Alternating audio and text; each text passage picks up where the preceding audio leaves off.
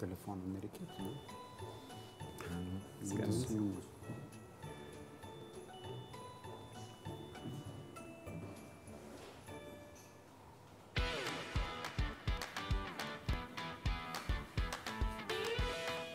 Sveiki gyvi, malonus Laisvės TV žiūrovai, aš Irdas Jesulionis, smagu, kad prisijungėte prie Laisvės TV YouTube kanalo. Mes raginame jūs, jeigu dar to nepadarėte, prenumeruoti mūsų kanalą, galite paspausti varpelį ekrano pačioje ir tada visada būsite na, įvykių sukūryje, mes visada aiškinamės tai, kas aktualiausia, kas aštriausia, karščiausias e, temas e, karštose kėdėse ir kitose laidose. Na ir dabar šiuo metu, e, jeigu tiesiogiai žiūrite mus, Laisvės televizijoje vyksta vienas iš svarbesnių tokių įvykių visai mūsų bendruomeniai.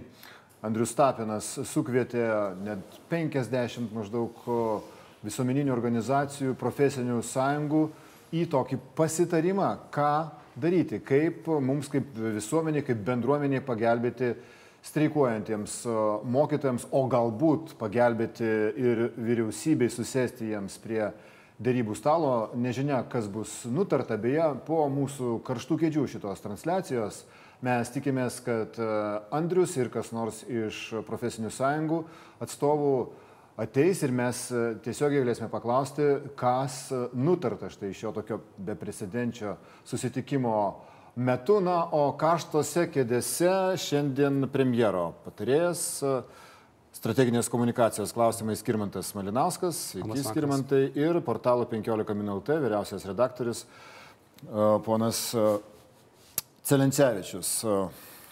Sveiki, redaktoriau. Pradėkime nuo klausimo apie tai, dėl kogi atleisti yra iš e, karto trys ministrai. E, Dėl švietimo ir mokslo ministrės kaip ir nekilo klausimų visuomeniai, o dėl kitų dviejų ir prezidentė ir visuomeniai kilo klausimų, kodėl paketu premjeras apsisprendė atleisti ir kultūros, ir aplinkos ministrus.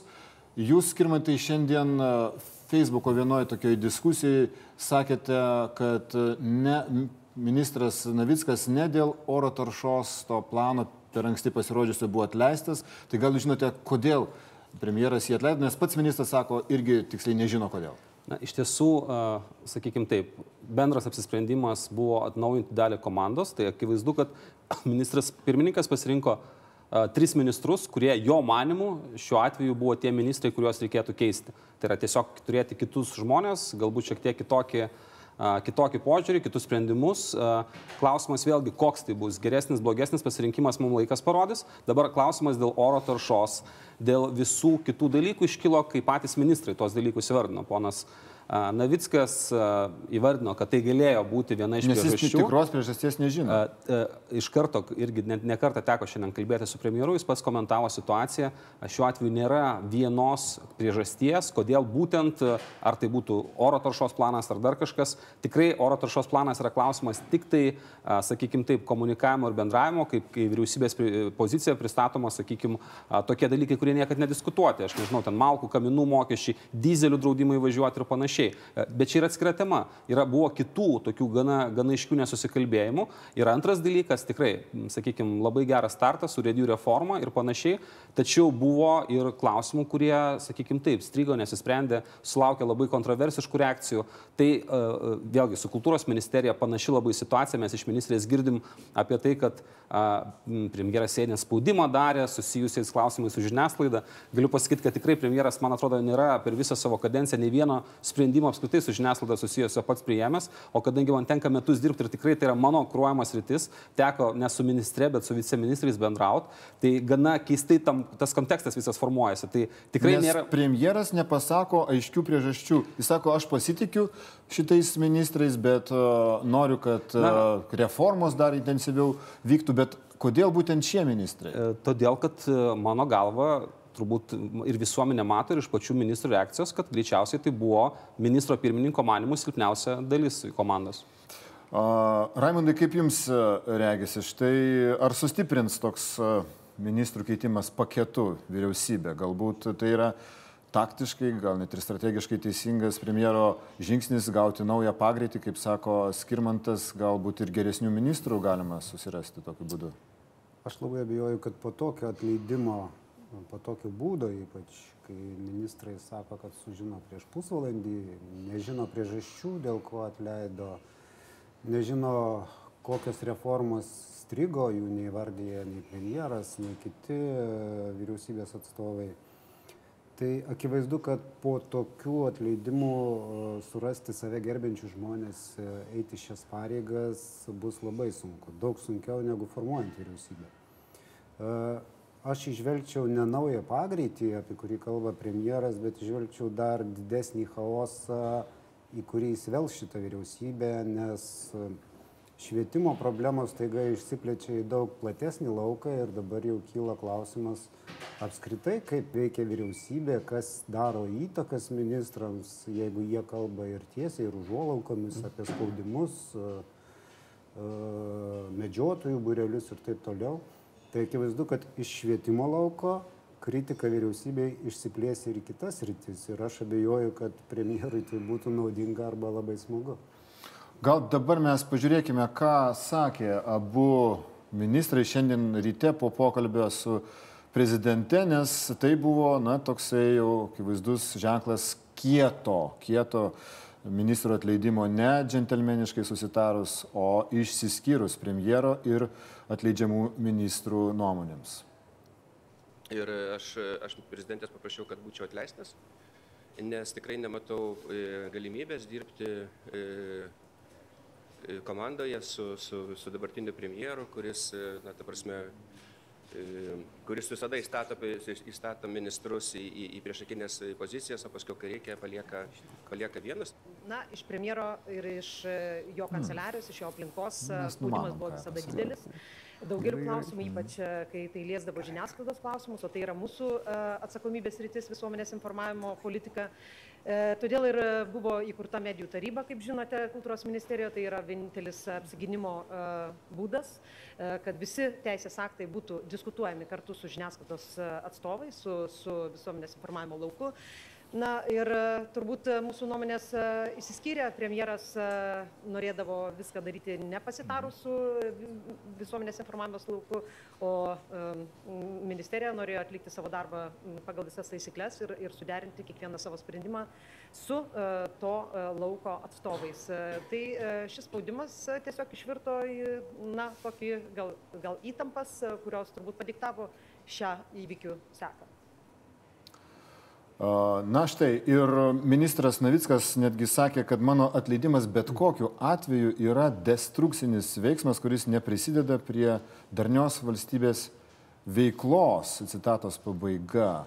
Ką tik šitie du žmonės dirbo vienoje komandoje, ką tik tai visai neseniai, birželio mėnesį, ar ne, kai buvo interpeliacija aplinkos ministrui Seime, premjeras gynė jį ir sakė, kad e, ministras iš tikrųjų e, jam kerštaujama už bandymą, už refu, urėdijų reformą, čia bandymas kerštauti e, kad ministras daug padarė sprendžiant įsisenėjusias problemas, o dabar jie šitaip išsiskyrė. Atsiprašau, pridursiu, kad tuo metu ministras neoficialiai buvo įstikinęs, kad jis interpeliacijos net laikys. Ir mm.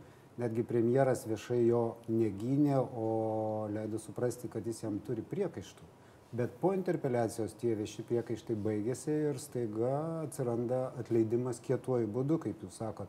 Tai man visiškai nepanašu į skaidrumą ir nusaklų veikimą. Jo labiau, kad ta reforma baigėsi. Ar čia yra komunikacijos Aš... problema, skirmantai, šitokios skirybos, pavyzdžiui, su aplinkos ministru? Aš labai trumpai, mano pareigos dar šalia to, kad dirbu su komunikacija ir ryšiai su Seimu ir kova su, kor su korupcija, kadangi man tenka būti frakcijoje, kiekvieną frakcijos posėdį arba beveik kiekvieną, tai vėlgi reali situacija yra tokia.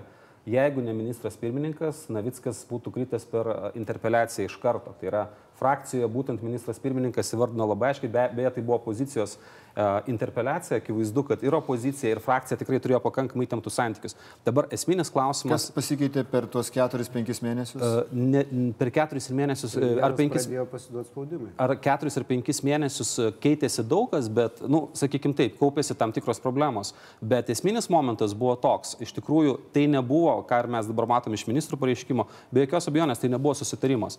Tai yra ministro pirmininko pirmininko komanda, jisai nusprendė ją atnaujinti, jis informavo ministrus, kad nori jos keisti. Aš suprantu, kad tai gali būti sudėtinga reakcija, aš pats atėjau į politinio pasitikėjimo postą, iš karto buvo pasakyta, tą dieną, kai aš apsispręsiu, jeigu tu netenki politinio pasitikėjimo, tu keitiesi, tokia yra politinė logika. Galbūt ministrai anksčiau atėję iš politinės nomenklatūros tikėdavosi, kad keturis metus būsiu, jeigu ministras pirmininkas nekris, šitoje vietoje vis dėlto reikia pasižiūrėti į rezultatus. Buvo gerų dalykų, bet buvo ir blogų. Taip, bet tie, tie blogi kažkaip visuomenį neatskleisti. Mes, mm. Nes negirdėjom šiandien ir prezidentės, tiesą sakant, irgi jokios, jokio pareiškimo po pokalbio su atleidžiamais ministrais, Na. bet o, viešumoje aiškių tokių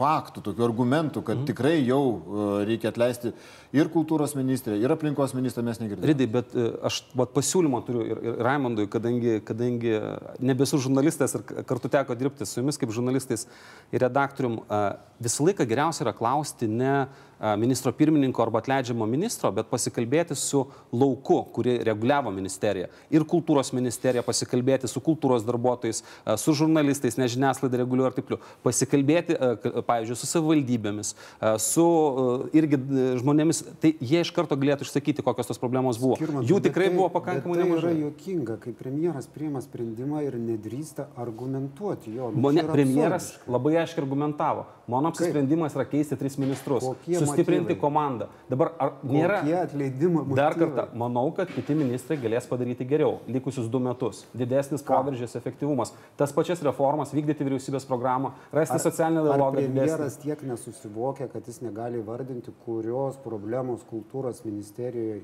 yra didžiulės, kurios yra nesprendžiamos. Dar argumentuodamas, kodėl atleidžia ministrė. Todėl, kad Ar tai nėra... negali pasakyti, kokių reformų konkrečiai neįvykdė ponas Navickas, kad jį reikia atleisti tokiu būdu? Aš nesuprantu tokių dalykų. Mes iš viešosios erdvės žinom, kad pono Navicko ministerija priešinosi visiems, atsiprašau žodį, bet kvailiems e, frakcijos pasiūlymams Seime. 20 km atstumu nuo gyvenamųjų vietų nestatyti kogeneracinių elektrinių ir taip toliau, ir taip toliau, miškų kirtimai ir visa kita. Ir ši ministerija, ko gero, labiausiai iš visų kitų turėjo kitokią nuomonę negu premjeras arba valdančioji frakcija. Kokios tikrosios to atleidimo priežastys? Sakoma, kad premjeras norėjo konsoliduoti galbūt frakciją ar ne, užsitikrinti didesnį palaikymą savo frakcijai, kuri, kuris galbūt buvo pradėjęs mašti ir štai dėl to šitie ministrai, kurie neturi jo, frakcijai jokio užnugario, jokio politinio palaikymo ir paukoti yra. Ar gali būti taip? Galima aš paklausti irgi, vėlgi, kadangi žinau pakankamai gerai situaciją frakcijoje, sakykit, kuris ministras, vienas bent jau, arba gal koks bent tris, turi labai didelį palaikymą frakcijai. Profesionalų vyriausybės, neimkim partinių ministrų, profesionalų. Jo specifika ir buvo iš tikrųjų, kad tai nėra atėjęs iš partinės nomenklatūros žmogus, kuris statomas į kėdę, kuris kartu su sąrašu keliauja vėl į ministrai, kurie frakcijos nariai ir turi tą uh, savo... Daž, dažniausiai taip ir yra. Partiniai užnugarį tie, kurie yra partijos nariai arba atėję ten su, su, su sąrašu. tie, kurie ne, tie ir, profesionalai, jie taip, yra iš... Bet nepaisant, taip, bet nepaisant to, iš 14 žmonių profesionalų skaičius išliko iki va dabar, išliko visą laiką tas pats. Partiniai keitė partinius, nepartinis, nepartinė teisingumo ministrė pakeitė vėlgi nepartinis patarėjas premjero, bet principas buvo tas pats. Santykis išlaikytas. Ministras pirmininkas įvardina. Dabar į tas pozicijas irgi bus ieškoma profesionalių žmonių, nebus dairomas į partinius sąrašus ir pamatysime iš tikrųjų, kaip viskas suguls. Kai mes kalbam apie tai, kokia konkreti reforma buvo, iš tikrųjų, tai mano galva yra labai sudėtinga prašyti ministro pirmininko pradėti dabar vardinti kažkokias konkrečias nuodėmės ir taip taip toliau. Dėl, to, dėl ko? Dėl to, kad iš tikrųjų... Bet pats... mes nešnekam apie asmenę žmogaus taip. nuodėmės, mes šnekam apie valstybės valdymą ir apie tas sritis, kurios yra svarbios ir daromus darbus. Na nu, gerai, jeigu ministerija buvo neteisi dėl kogeneracinių elektrinių, Bet premjero manimų, kodėl to Niekada negirdėjau, kad būtų koks nors giršas tarp ministerijos, premjero arba Seimo dėl kogeneracinių. Dėl ko kildavo iš tikrųjų klausimas, tai visą laiką santykiuose, pavyzdžiui, su merais, iš tikrųjų būdavo labai, pa, pasikalbinkit praktiškai bet kuriuo. Pačiais įvairiausiais klausimais, e, derinimo, bendravimo su pačia ministerija.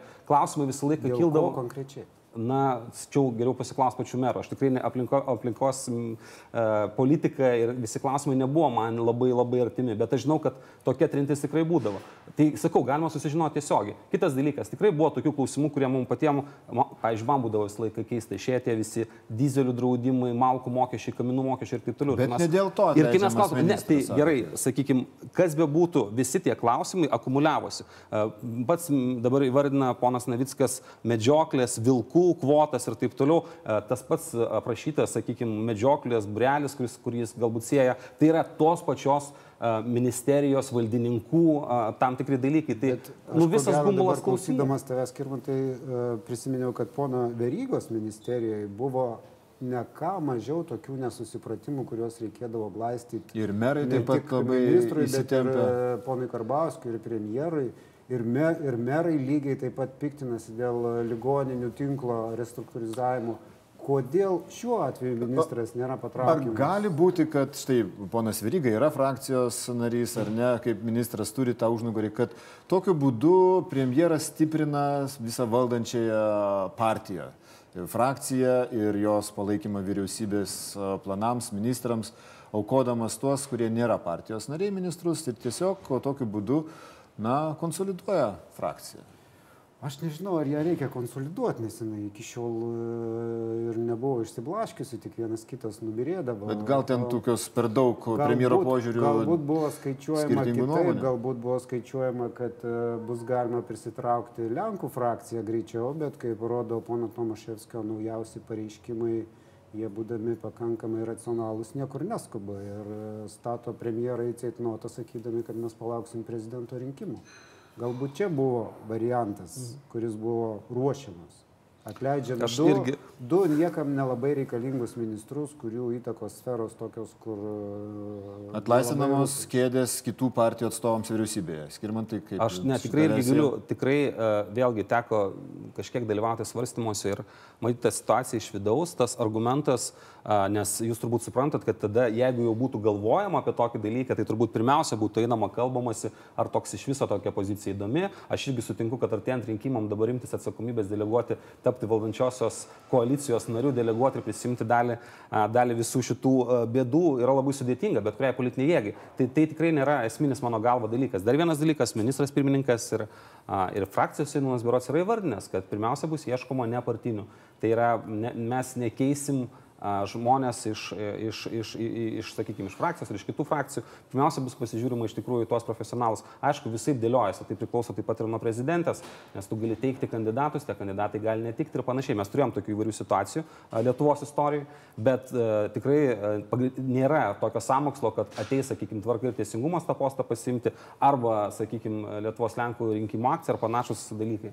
Dar viena versija, kuri irgi peršasi, kad tokiu būdu premjeras bando na, tokiu didesniu efektu pridengti situaciją su mokytojų streiku, kuris ketvirtą savaitę nesibaigia. E, Dar prisidėjo ir mokytojų įsikūrimas ministerijos salėje ir kad tokiu būdu galbūt premjerui pavyks kažkaip nukreipti dėmesį į, į kitas svarbesnės, galbūt, na gal nesvarbesnės, bet kitas papildomas problemas ir šita nebus tokia svarbi.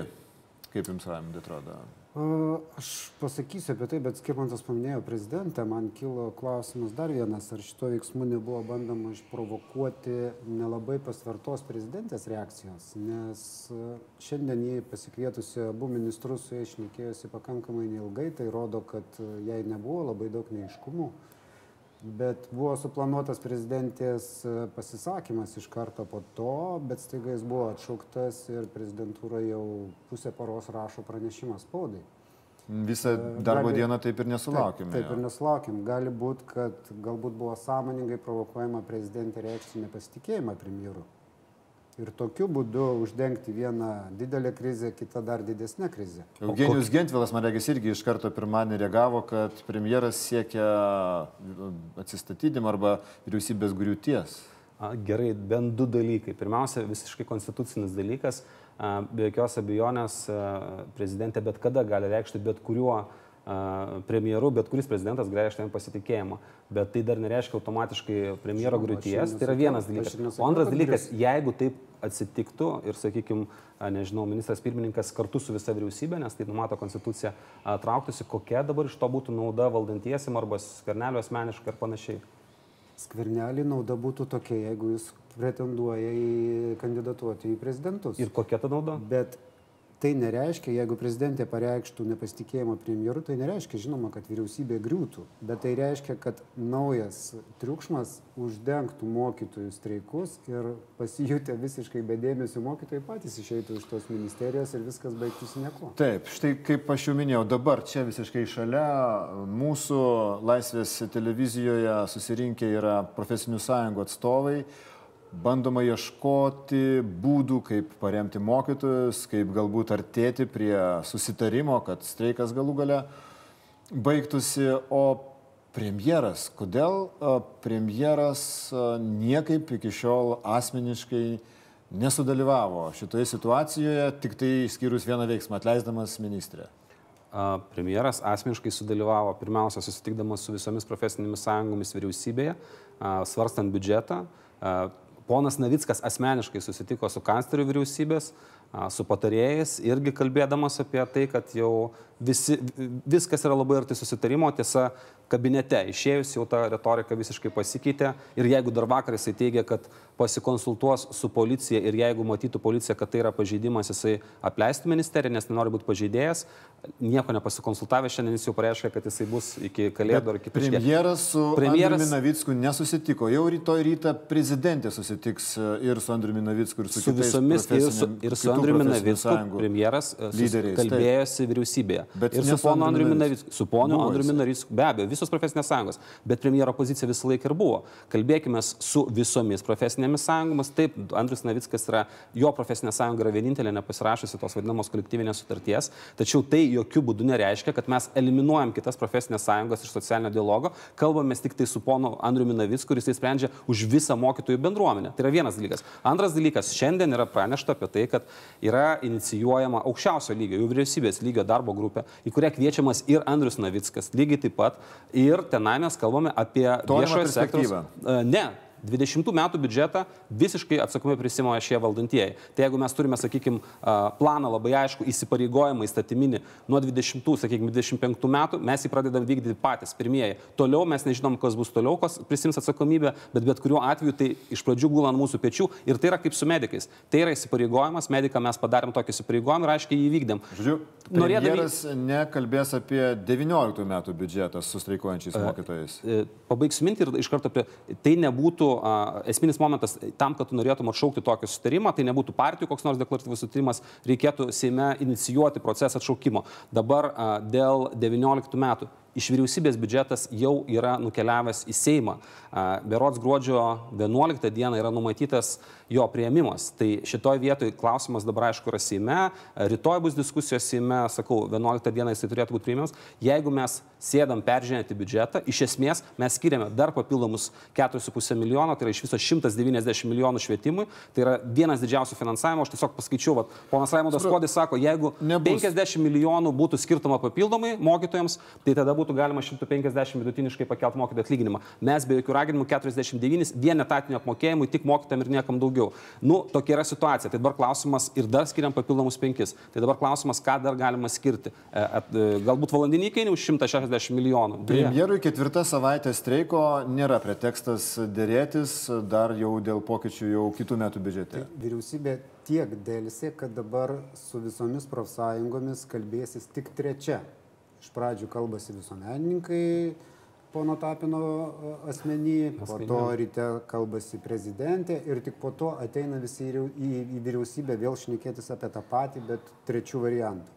Tai reiškia, kad toks vyriausybės dėlsimas sukūrė tokį chaosą ir tokią uh, sniego didelę gniužtę, kad iš vienos mokytojų profsąjungos dabar visą tai gali pavirsti į uh, labai didelės sumas, nes pradėsim šnekėti apie e, ženklų atlyginimų ir finansavimo didinimą visam viešajam sektoriui. Tai jau nebus nei 160, nei 300 milijonų, tai bus kur kas daugiau. Ir kitas dalykas, kalbant apie biudžetą, tai buvo keturios streiko savaitės, Per visą tą laiką buvo imituojamos dėrybos ir visiškai nedaroma jokio judesių e, tvarkant biudžeto projektą. Jokių galimybių nebuvo padaryta, kad būtų galima kažkaip e, pradėti stumdyti tos pinigus, kurių mokytojai reikalauja.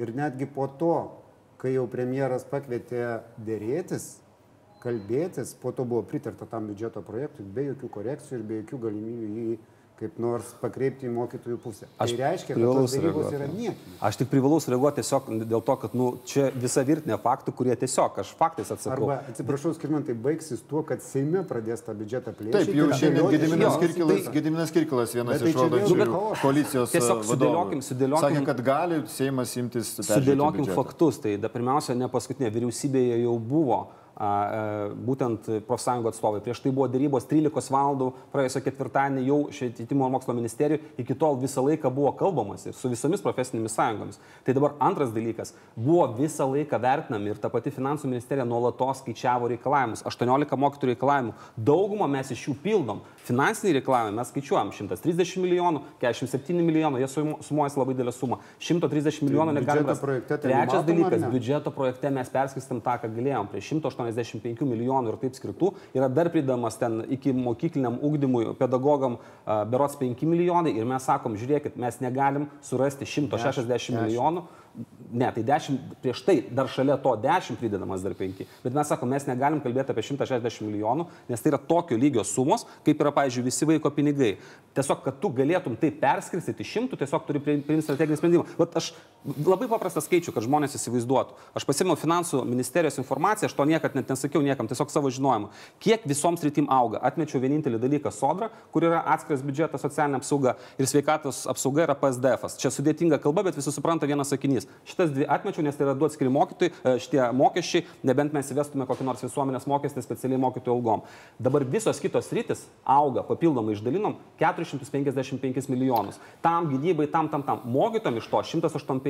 Tai ar tai nėra rodymas, kad tai prioritetas? Valandinis koficijantas lieka tas pats. Jie reikalauja, kad jis uh, nuo 5 iki 6 Taip. eurų padidėtų, kad 20 procentų. Jie turbūt sutiktų ir mažesniu Taip. padidėjimu, bet jau kitą metą. Tai ne kažkokie jau... mistiniai šimtai milijonų, o ne. jų valandinis įkainis. Dar kartą, tam būtent į valandinį įkainį, būtent į etatinį, ta prasme mes kalbam nekeičiant į dabartinę sistemą, 49 milijonai liejami. Aišku, norima, jeigu 20 procentų keliam, reiškia dar plus 130. Nu tai mes sakom, realiai tai yra nerealu. 130, na, tai yra nerealu. Ir ką daryti? Streikas vadinasi tęsis toliau, taip? Tai jeigu pokalbis vyksta tokiu būdu, kad žiūrėkit, mums reikia už savaitės, nes ten už dviejų savaičių ar už trijų savaičių naujieji metai ir mes jau norim 130 milijonų ir mes jau norim 20 procentų didesnio, tai be jokios abejonės, tada tas streikas tik tai ir tik tai niekaip nesitraukiam nuo šito reikalavimo, be jokios abejonės, tada iš tikrųjų yra tokia patinė situacija, mes galim žlugdyti biudžetą. Taip ir turėjo atsitikti, nes po to, kai buvo įvestas etatinis apmokėjimas, ministerija niekaip nereagavo į siunčiamą siunčiamus signalus iš mokyklų, kad nėra gerai, kad yra problemų. Prasidėjo reakcija ir kalbos apie taisimus tik po to, kai prasidėjo streikas. Aš tik patikslinsiu. Tai Etatinis tris mėnesius, tris jūs, mėnesius veikia. Jūs praradot nuo metų pradžios labai daug laiko. Pala, nuo metų pradžios. Nuo mokslo tris, metų pradžios. Nuo mokslo metų mes praradome tris mėnesius. Tai, kai pradėjo šnekėti su mokyklom apie jo įvedimą. Jis buvo greitai įvestas. Jame, Taip, iš tikrųjų jisai buvo greitas, dėl to, kad patys mokytojai labai aiškiai sakė, daugiau laisvės mokyklom, etatinio mes norim, beje, tai yra nuo Kirkilo laikų, tas etatinis buvo visą laiką reikalaujama jo. Ir dabar, kai mes kalbėjom su visom profesiniam sąjungom, jie sako, mes nei viena nenorim atšaukti etatinio. Ir dar daugiau, kai mes kalbam, kai jau ponas Navickas dar kartą pakeitė savo poziciją ir sakė, mes jau dabar galvojam, gal stabdyti reikia etatinį, kitos profesinės sąjungos, žinot, sako, mes patys išeitume į gatves, jeigu dabar jūs pradėtumėt grįžti prie krepšelio ne, sistemos. Dabar dabar jau remia ir kitos profesinės sąjungos Andriaus Navicko tą visą ir Stabdymą etatinį. Ne, be to, jo, jo reikalavimuose nėra stabdyti etatinį. Jo reikalavimai pasikeitė tris mok... kartus, bent, bent tris okay, kartus. Bet dabar šiuo metu jį remia ir, ir kitos profesinės sąjungos taip pat, ir, ir netgi protesto keitėsi. akcijomis. Jo. Žodžiu, Aš nežinau, ar tikrai galima dabar šitaip atskirti vieną profesinę sąjungą nuo visų mokytojų bendruomenės ir sakyti, čia tik tai Andriaus Navicko problema ne, tai šitas streikas? Atskirkim, labai paprastas du dalykai. Aš nesakau niekada, kad tai Andriaus Navicko problema šitas streikas. Aš sakau labai aišku dalyką. Yra reikalavimai, kurie susijęs su etatinio taisimu ir juos visus atsižvelgta ir tie dalykai, pakeitimai, tie visi biurokratiniai dalykai, jie bus padaryti. Ta prasme, kad būtų tikrai patogesnė, iškesnė sistema. Ginčio jokio nėra. Visos problemos prasideda tada, tada kai prasideda finansinis reikalavimas, kuris skaičiuojasi šimtais milijonų. Ne viena profesinė sąjunga nepasakys, mums nereikia 300 milijonų papildomai. Tai yra suprantama. Jos visos pasirašė kreipimąsi į frakcijas, į vyriausybę, kad tų milijonų reikia. Bet nei vienas premjeras nesakys, aš jums dabar duosiu 300 milijonų, sužlugdysiu biudžetą ir tada iš tikrųjų reikia atsistatydinti, nes visi išeina į gatves, ne tik mokytojai. Taip, šiemet, šiemet e, buvo išrinkta idėja Lietuvai mokytojo profesijos prestižas Taip. ar nepasiekti, kad tai būtų prestižiškiausia ar tiesiog prestižiška profesija. Bet e, štai metus baigiame tokiais ekscesais mokytojų streikų, kuris nežinia kaip toliau klostysis. E, vyriausybė nerodo jokių ženklų, kad e, nusileistų tiems reikalavimams. Kaip Jums reikės, Raimondai, šita, šita situacija, kur jį gali nuvesti? Į vyriausybės griūtį. Nes ir ko gero nuves tą situaciją ne dėl to, kad vyriausybė viską daro blogai arba nieko nedaro, ar ne? Galbūt, kaip ponas Kirmantas sako, vyksta judesys į tą gerėjimo pusę, bet su mokytojais, kurie nėra patenkinti, kurie nesupranta, kurie gauna per mažai, šnekamasi tokiu tonu, kuris kelia jiems ne vilti, kad bus geriau rytoj, poryt, kitais metais, bet pykti, kad jų nesupranta arba juos žiūri iš aukšto. Ir nežinau, man atrodo, kad šita tendencija sustiprėjo būtent su šitos vyriausybės ateimu, kai dialogo vis mažiau, vis daugiau arogancijos ir liepiamosios nuosakos. Ir tai persidoda iš vyriausybės, iš Seimo e, savivaldybėm, direktoriams, švietimo skyriams ir taip toliau. Ir tada tie, kurie atsiduria, atsiduria ten apačioje, jie jaučiasi pažeminti, netgi gavę tos 5 eurus daugiau. Nes būna sukurtas įspūdis, kad tu gausi 50, o žmogus gauna 5. Gauna 114 vidutiniškai to, daugiau. Gauna daugiau vidutiniškai taip, bet jeigu pasižiūrim atskirai, taip, yra mano žmona mokytoja, žinau, kas tai yra. Pasižiūrim atskirai, matom, kad tai yra visiškai skirtingi tie didėjimai ir net mažėjimai. Ir kai žmogus vietoje sukurtų įspūdžio, kad jis gaus 50, gauna 5, jam tas padidėjimas atrodo kaip... E, Aš sutinku. Ir dar vienas dalykas, e, galbūt išeitis ir būtų nauja politinė vadovybė, kuri atsakinga už tą sritį, kalbant apie švietimo ir mokslo ministeriją, kuri galėtų, nežinau, kažkoks autoritetas iš jų pačių, kuris galėtų iš tikrųjų rasti tą dialogą geriau. Vyriausybė, aš tik tai tą politinę logiką paaiškinsiu, man atrodo, šiandien nėra labai stipriai abejojančių, kad vyriausybė yra pirmiausia suinteresuota išspręsti šitą kilusią krizę. Nes tai tiesiogiai liečia visus ir turbūt niekas nesako, kad... Bet tu sakė, biudžetas bus nebeliečiamas. Dar kartą, mes kalbam, pasverkim krizių lygį. Mes galim sverti taip. Jeigu mes krizės sprendimą matom čia ir dabar, suraskite šimtus milijonų ir atiduokit, tai nėra sprendimas, mes sukelsim dar didesnę krizę. Mes siūlom tvarų sprendimą. Mes galim šalia to, kas jau įdėta, įsipareigoti papildomai ir įsipareigoti ilgesniam laikui pradėti vykdyti jau patys ir tada tikrai nebūtų... Vyriausybių sąskaitų. Taip, prieš dešimtmetį beje, panašiai buvo išspręsti mokytojų streikai prieš dešimtmetį maždaug. Taip ir buvo.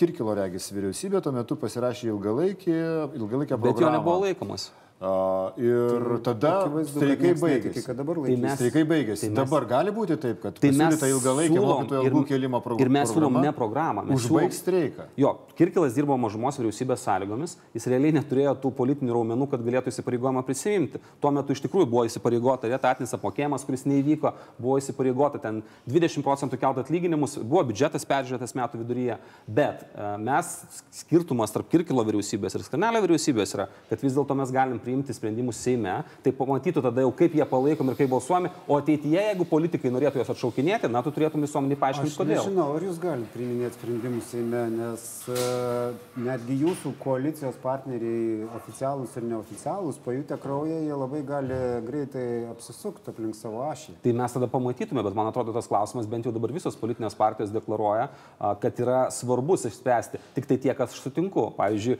ponas Gabrielius Landsbergis arba ponas Palutskas, aš manau, kad jie suinteresuoti turbūt tą krizę eskaluoti. Tik tai sako, kad vat, jiems sprendimų reikia. Nu, tai... Galbūt krizę padėtų įveikti iš tikrųjų nauja ministro ar ministrės figūra Ir kaip suprantu, e, toliau bus ieškoma profesionalų. Ne kviečiamas e, politikas ar frakcijos narys, o bus ieškoma e, profesionalų.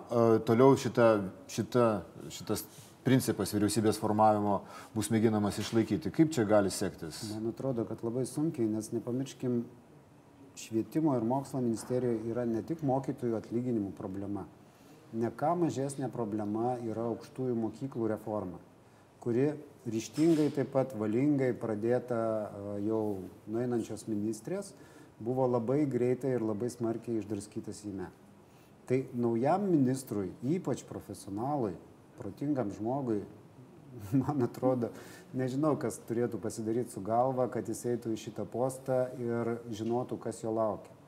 Nes nepamirškim dar to, kad dėstytojai dar kol kas aukštųjų mokyklų nėra sukilę, nors jau pasigirdo balsų, kad vis dėlto reikėtų ir mums prie to jungtis. Taip, čia Aš, jie yra šiandien tai, šitame susitikime tai profesinių jeigu sąjungų. plėsis profesinių sąjungų vienybė arba bendri sąjūdžiai, pakils ir aukštųjų mokyklų dėstytojai ir tada ta problema pasidarys dar gilesnė. Aš vėl sureaguosiu. Kitais metais, jeigu aš neklistu aukštųjų mokyklų uh, dėstytojų atlyginimam berots 40 procentų augimas iš viso įdėtas, tai aukštojų, aukštosio mokyklom tikrai nueina labai nemažas finansavimas papildomas. Ne, pasižiūrėkim, o dabar dėl, o dabar, ne, tai tiesiog pasižiūrėkim, kiek yra įdėta, visą laiką mes kalbame vidutiniais dydžiais, tai yra natūralu, bet jie čia neapgausia, į sodrą galima pažiūrėti, kaip, kaip keičiasi atlyginimai. O antras dalykas, dėl jungimosi, tai be jokios abejonės mes turim du aiškius susitarimus, Gedimino technikos universitetas su Myklo Riomerio ir taip pat turim Kaune, ar ne, vadovų, Liau ir ASU, kurie jungiasi, aš nežinau, klausimas, mes tą pirmą etapą įgyvendinam, atėjęs ministras turi spręsti iš tikrųjų, kaip toliau, ar jisai turi palaikymą akademinės bendruomenėms dar daryti, bet tai jau yra didelis žingsnis. Galbūt iš tikrųjų pakanka, galbūt, nežinau, koleg... galbūt galim kalbėti apie kolegijas, tai yra vėlgi politinio apsisprendimo klausimas, bet nereikia įsivaizduoti, kad, pavyzdžiui, ministras pirmininkas puikiai išmano 14 ryčių, sudėlioja ten švietimo strategijas ir tai labai stipriai priklauso nuo ministro. Atleidžia ministrė tokiu metu ir kitus du ministrus atleidžia būtent tokiu metu sakydamas, kad reikia paspartinti reformas, reikia intensyvinti Taip. reformas, neturėdamas omenyje, kas toliau atliks šitus darbus. Aš, mes esam sutarę, kad aš, ne, aš pirmas dalykas tikrai žinau, kad premjeras turi omenyje ir tiesiog aš negaliu komentuoti ten kandidatūrų ar kažkokių procesų. Dar daugiau aš net nežinau, gal jau dabar aišku, ar prezidentė pasirašė atleidimus, nes mes visą dieną laukiam, kada bus Iki darbo, pabaigos, darbo dienos pabaigos nebuvo. Tai vat, kai, kai visi tie dalykai vyksta, tada aišku atsiras naujos temos, kandidatai ir taip toliau. Atsimenu, geriausių kultūros ministrų buvo vienu metu vadinamas Arūnas Gelūnas. Jis irgi atrodo buvo pakviestas taip vidury kadencijos maždaug vietoj Remigiaus Vilkaičio mhm. pakviestas irgi suradus jį na, profesionalų laukia. Gali būti, kad pavyks ir skverneliui surasti dar du naujus profesionalus ar bet tris. Vidai, nors jis vadinamas vienu geriausiu ir profesionaliausiu, bet kad būtų ministerijoje arba kultūros laukia įvykę kažkokių labai didelių pokyčių jam vadovaujant, aš nepamenu. Bet tai ir... ir šiuo atveju, likus dviems metams iki vyriausybės kadencijos pabaigos, Aš labai abejoju, kad naujas ministras, koks jis bebūtų profesionalas, e, sugebės įvykdyti labai didelės reformas. Jis paplauks pasroviui iki kadencijos pabaigos ir viskas to baigs. Raimondai, galima paklausti, šiaip man, nes žinau, kad pats esi tikrai kultūros labai labai didelis specialistas, labai su didelė pagarba. Dabartinė, pavyzdžiui, ministrė, du metai kokie tokie, va, tokie proveržio dalykai buvo įvykę, sakykime, toje pačioje kultūros srityje. Nes kitur mes bent jų vardinti galim. Ar ne dabar visi sako, žiūrėkit, nuėmėt ten puikiai dirbančius ministrus, ar neįvardinat problemų. Gal čia yra problema, kad problemų didelių nėra, bet ir pasiekimų labai didelių nėra. Yra pradėta nacionalinių įstaigų jungimo programa ir mano subjektyvė nuomonė tai labai neblogas žingsnis yra, nes konsoliduotų tas įstaigas ir ko gero padidintų finansavimo galimybės bet akivaizdu kad ta programa netgi frakcijoj neturi valstiečių jokio palaikymo ir jį už tai taip ilgai plūduriuoja. Premjeras sakė pirmąjį, kad šita situacija, šitas perkrovimas vyriausybės niekaip nesusijęs su jo planais, esamais ar nesamais planais dalyvauti prezidento rinkimų kampanijoje. Jis iki šiol neatskleidžia, ar jisai apsisprendė joje dalyvauti, ar ne, kaip e, jums e, regisi, beje, skirma, tai nėra to sprendimo, ar ne? Tai aš, mes kalbam iš mūsų pokalbio, net aišku, kad mes vienu atveju kalbam, ar kris vyriausybė kartu su ministru pirmininku labai greitai, nes nesivyks didžiulė politinė krizė, o kitu atveju kalbam apie prezidentą. Skris į prezidentus? Ne, tai, ne, tai aš ir sakau, tai yra kontrastai, tai akivaizdu, kad jeigu būtų didžiulė komplikacija politinės krizės, galbūt tai irgi yra viena iš priežasčių labai aiškiai vardint premjerui, kad jis nekandidatuos ir gal šiek tiek kai kurie politiniai dalykai suminkštėtų, nes mano galva tai yra irgi susiję dalykai. Bet šiuo atveju aš manau, kad jis tikrai, tai yra daug veiksnių, kurie labai nulems jo sprendimą ir, ir tai šiuo metu tikrai labai sunku pasakyti sprendimą, kurio nėra paprasčiausiai. Nėra sprendimo iki šiol. Kaip Čia... jums regis, Raimondai, įmanoma, kad po štai šitų dviejų metų premjeravimo ponas Kvernelis bus, būtų toks, na, stiprus kandidatas prezidento rinkimuose? Viskas gali būti įmanoma, nes dabartiniai kandidatai, kurie yra išriškėję, jie yra nuo centro į dešinę ir akivaizdu, kad nemaža dalis visuomenės neturi savo kandidato. Nei ponas Andriukaitis, nei ponas Jozaitis kol kas nerodo jokių didelių proveržių į viršų, todėl akivaizdu, kad tas laukas yra tuščias. Ir mano galva, valstiečių neapsisprendimas dėl savo kandidato ne tik prezidento rinkimuose, bet ir tiesioginiuose merų rinkimuose, ar ne, Vilniui, Kaune, vis dar nėra, Klaipėdoje, vis dar nėra jokių ryškių kandidatų, rodo, kad šita partija arba politinė grupė, nežinau, ar čia yra partija, kuri valdo valstybę, bet turi 4000 nepilnus narių, kad šita politinė grupė yra pasimetime ir ieškojimų kelyje ir dėl to jinai negali racionaliai elgtis nei tvarkydama biudžetą, nei darydama reformas, nes visą laiką yra neužtikrintumas, kas tą pabaigs ir kas kur galiausiai nusės. Nes jeigu ponas Karnelis bus kandidatas į premjerus, į prezidentus, akivaizdu, kad jo veiksmai turėtų būti šiek tiek kitokie. O jeigu, jeigu ne jis, tai ponas, tai ką tada jeigu ponas Sinkevičius nori būti kandidatu į Vilniaus merus, irgi akivaizdu, kad jisai turės pradėti slaptą rinkimų kampaniją, ar ne? Ir tas neužtikrintumas jisai kelia tokią sumaištį ir chaosą, kuris išvirsta va, tokiom problemom, kurias mes turim dabar. Jeigu ne ponas Kvernelis intriguoja ponas Pranskietis, kad jis galbūt galėtų būti kandidatu. Tik tai aš tai va... vėlgi kelia sumaištį ir pačioj partijoje, ir Seime, tada visi pradeda žiūrėti į poną Pranskietį, aha, gal tu čia iš tų sumetimų, kad būsi kandidatas, taip elgiesi arba šneki. Ar nėra tai užkoduota pačioj šitos valdančios jėgos tokioj struktūroje, ar ne, kai ponas Kvernelis paskutiniu momentu prieš Seimo rinkimus prisijungė prie Ramūno Karbausko vadovavimos valstiečių žaliųjų sąjungos, ar ne, ir tada įvyko ta tokia tokia simbiozė, nugalinti, pergalinga, bet toliau jinai ir į tokį vieną kūną ne, neišvirta. Atsiprašau, prisimenu, kad jis ne tik paskutiniu metu prisijungė, bet ir iki paskutinio momento sakė, kad aš nenoriu būti premjeru. Ne, jisai, jis tai buvo jo rinkiminis pažadas, kad jis bus premjeras, jeigu bus laimėta ir jeigu bus tokia galimybė. Bet esminis momentas e, nėra jokia paslaptis. E, skvernelis yra nepartinis ir akivaizdu, kad yra ministrų dauguma nepartiniai. Ir bendrai, kai atėjo, e, sakykime, jeigu jūs pažiūrėtumėte į frakcijos sudėtį, ypač iškart po rinkimų, nes dabar irgi šiek tiek keitėsi, žmonių atėjo į partiją, bet tuo metu buvo tikrai didelė dalis nepartinių žmonių. Tai kažkuria prasme tai buvo toks ėjimas, galbūt tai, kas dabar yra komitetai ar ne, kartu su partija partija daug žmonių, kurie buvo visuomeniai žinomi dėl savo Ir jeigu pasižiūrėt vėlgi mano požiūrį į, į partiją, į, sakykime, ministrus ir panašiai, tai daugelis iš tų visuomeniai žinomų lyderių jie ir išliko lyderiais. Ta prasme, jie ir tapo tą stipriausiai velkančiais visą vežimą. Tai, Tam pagal tai, tos reitingus nelabai lyderiai. Na nu, gerai, bet man labai va, reitingas, ar ne? Sakykime, ponas Veryga yra vienas labiausiai nemėgstamų ministrų pagal reitingus.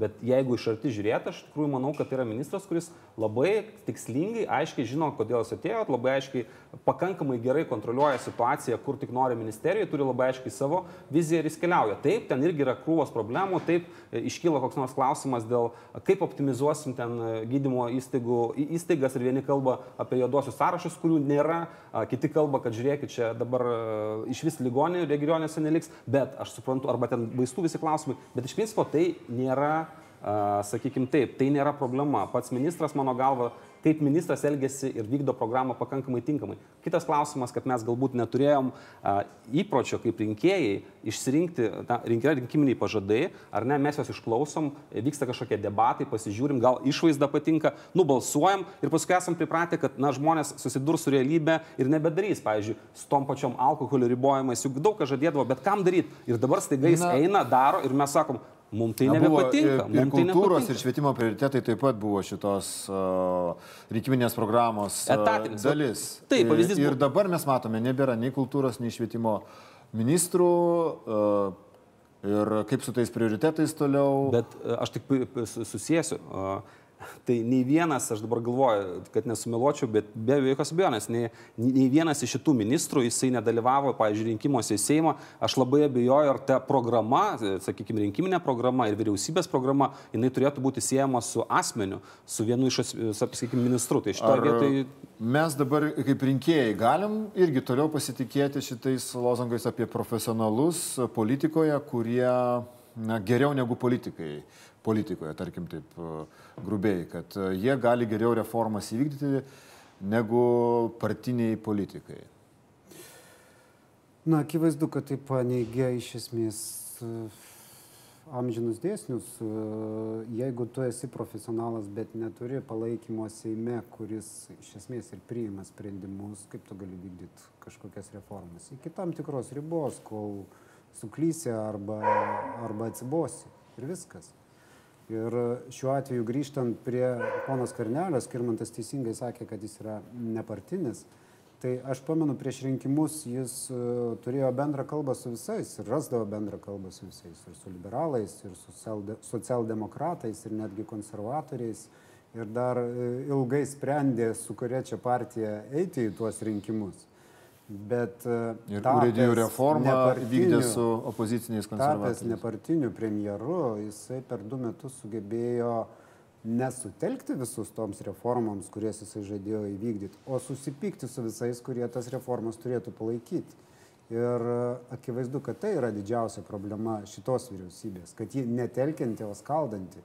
Ir čia gal net ne veiksmų, kuriuos daro šita vyriausybė problema, o elgesio tuos veiksmus darant problemą. Skirmantai, jūs palyginote mokytojus, kurie įsikūrė ministerijoje su Putino žaliaisiais žmogeliukais. Ar vertėjo šitai? Aš ne mokytojus palyginau, visiškai nesvarbu, kokia yra profesija. Ne mokytojus aš palyginau, o situacija, kai yra užėmama ministerija, valstybės įstaiga. Tai gali padaryti mokytojai, tai gali padaryti bet kokio amžiaus, bet kokios profesijos, religijos ir taip toliau asmenys. Aš tiesiog sakau, žiūrėkit, mes kalbam dabar iš tokių, su tokia galbūt šypsena, darom koncertus, prezidentų, sakykime, debatai vyksta ar ne kandidačių ministerijoje, kuri realiai iš tikrųjų mes turim situaciją, yra tas teisės aktų pažeidimas ir net nekalbu net apie formalius teisės aktus. Man beje, Lietuvo žinios atsiunčia klausimus ir sako, kaip jums atrodo, ar yra legalu penktadienį lipti ministeriją pro langą. Tai jeigu aš prieš mėnesį gaučiau tokį klausimą, aš žinočiau atsakymą. Nes šiandien man atrodo, kad jeigu Seimo nariai lipa, beje ir mūsų frakcijas nebejotinai, ir, ir mokytojai lipa, tai jau tampa visai norma. Man atrodo, mes padarėm, ir čia tikrai atsakomybę turi prisimti, aišku, visi.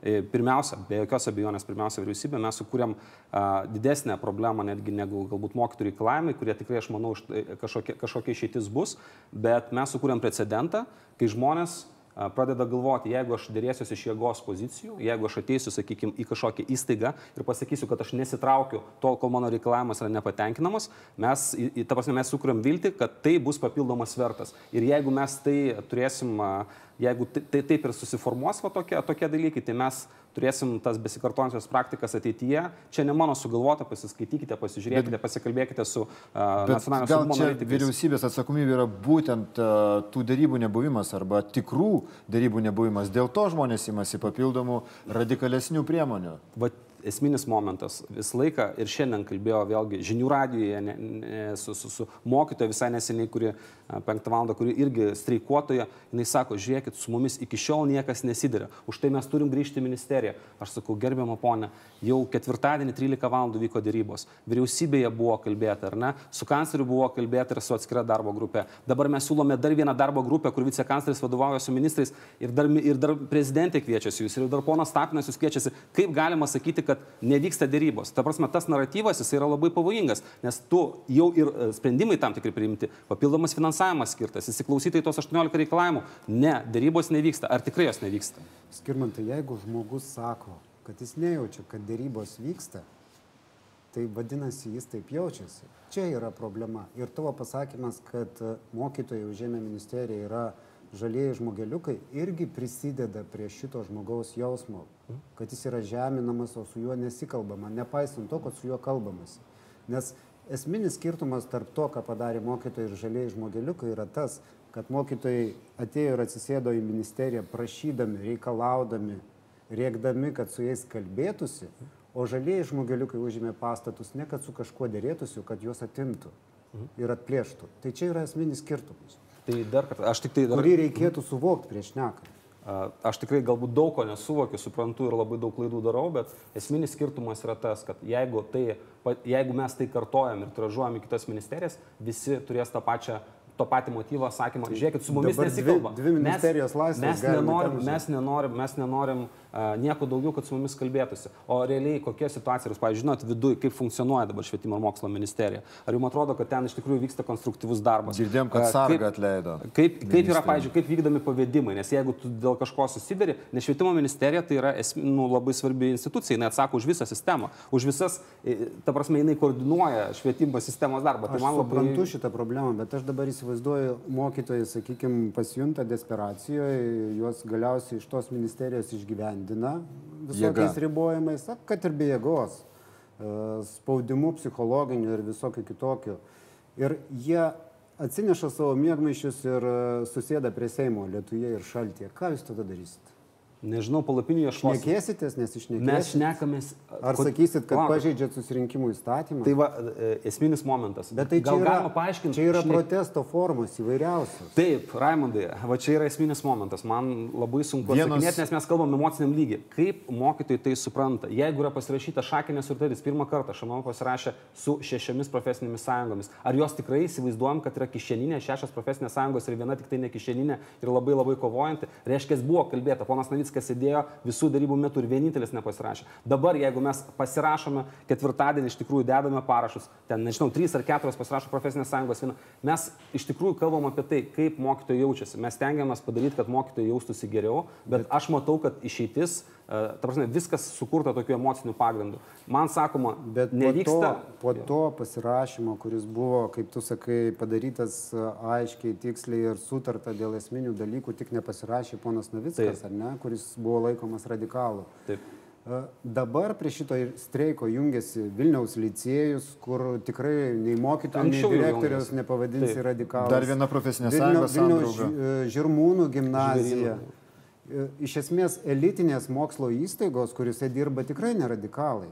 Ir akivaizdu, kad jie kažko nesupranta jūsų susitarimuose. Mes išgirdome iš pono e, Malinausko, kad susitarimas bus rastas, sakėt, vis tiek kažkaip vienaip ar kitaip jisai bus rastas. Ne, tai bet kuriuo atveju sustarimas turi būti rastas, nes kitu atveju taip, aš sutinku visiškai su, a, su Raimondu, nes mes turime situaciją, kuri a, plečiasi eksponentiškai į didelę politinę krizę. Mes turim situaciją, kuri iš tikrųjų paralyžiuoja po truputį ministerijos darbą, galbūt tai yra nem- nematoma, bet taip realiai yra. Mes turime situaciją iš tikrųjų, kai a, jau visos, viskas, kas visos valstybės institucijos, visos valdžios šakos įsitraukia, prezidentūra a, ir Seimas dabar priimant biudžetą ir ministras pirmininkas, tai aš dabar nežinau, koks dar galėtų būti tolimesnis etapas. Vienintelis dalykas, a, ką labai sunku įsivaizduoti ir, ir turbūt a, toks sprendimas nu, sunkiai įsivaizduojamas, tai aišku, surasti tuos 300 milijonų. Tai galbūt ponas Navickas ar kiti pasakys kažkokias realesnės sumas ir pamatys. šiame pokalbėje minėjote kitas sumas, mažesnės sumas. Ši, tai vien mokytojų,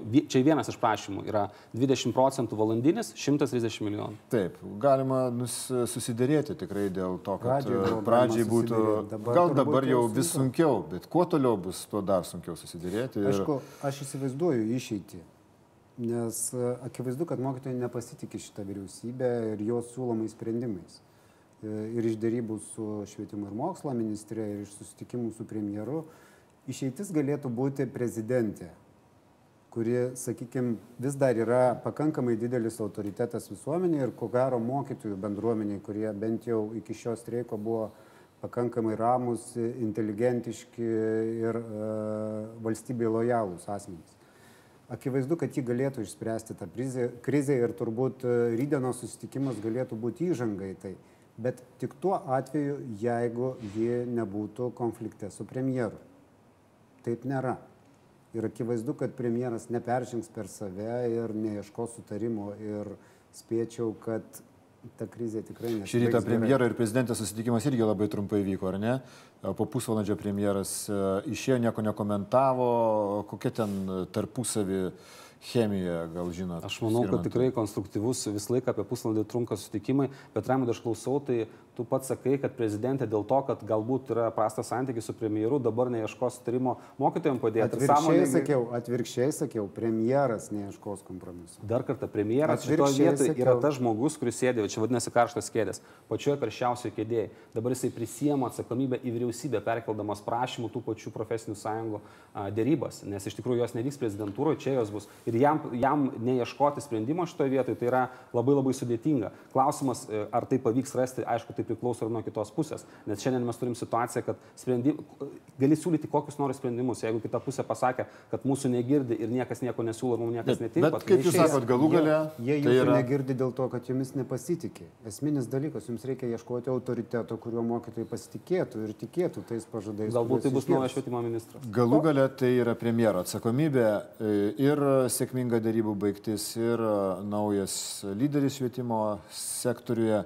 Tikėkime, mums visiems kaip bendruomeniai, visuomeniai svarbu, kad iš tikrųjų išsispręstų šitos problemos be, be bereikalingų ekscesų, be bereikalingų tebesitėšiančių ar besiplečiančių mokytojų streikų. Mes visi norime, kad e, mokiniai Taip eitų ir mokytųsi ramiai savo mokyklose.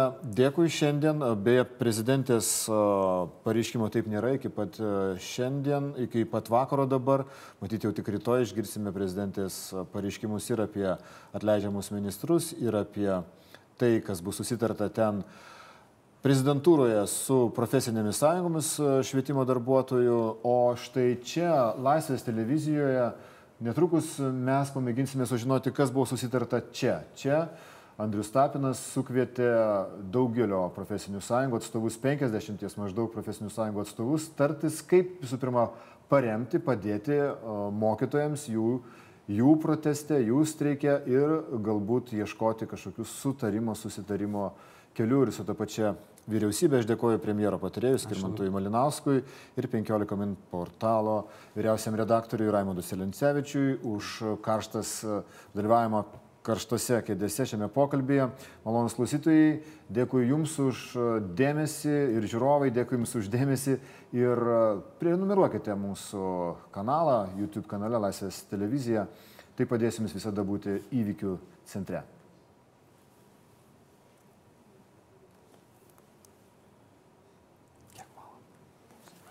Valandą išnykė. Bet mes laukiam, kol baigsis ten kas nors. Tai pas jūs limita.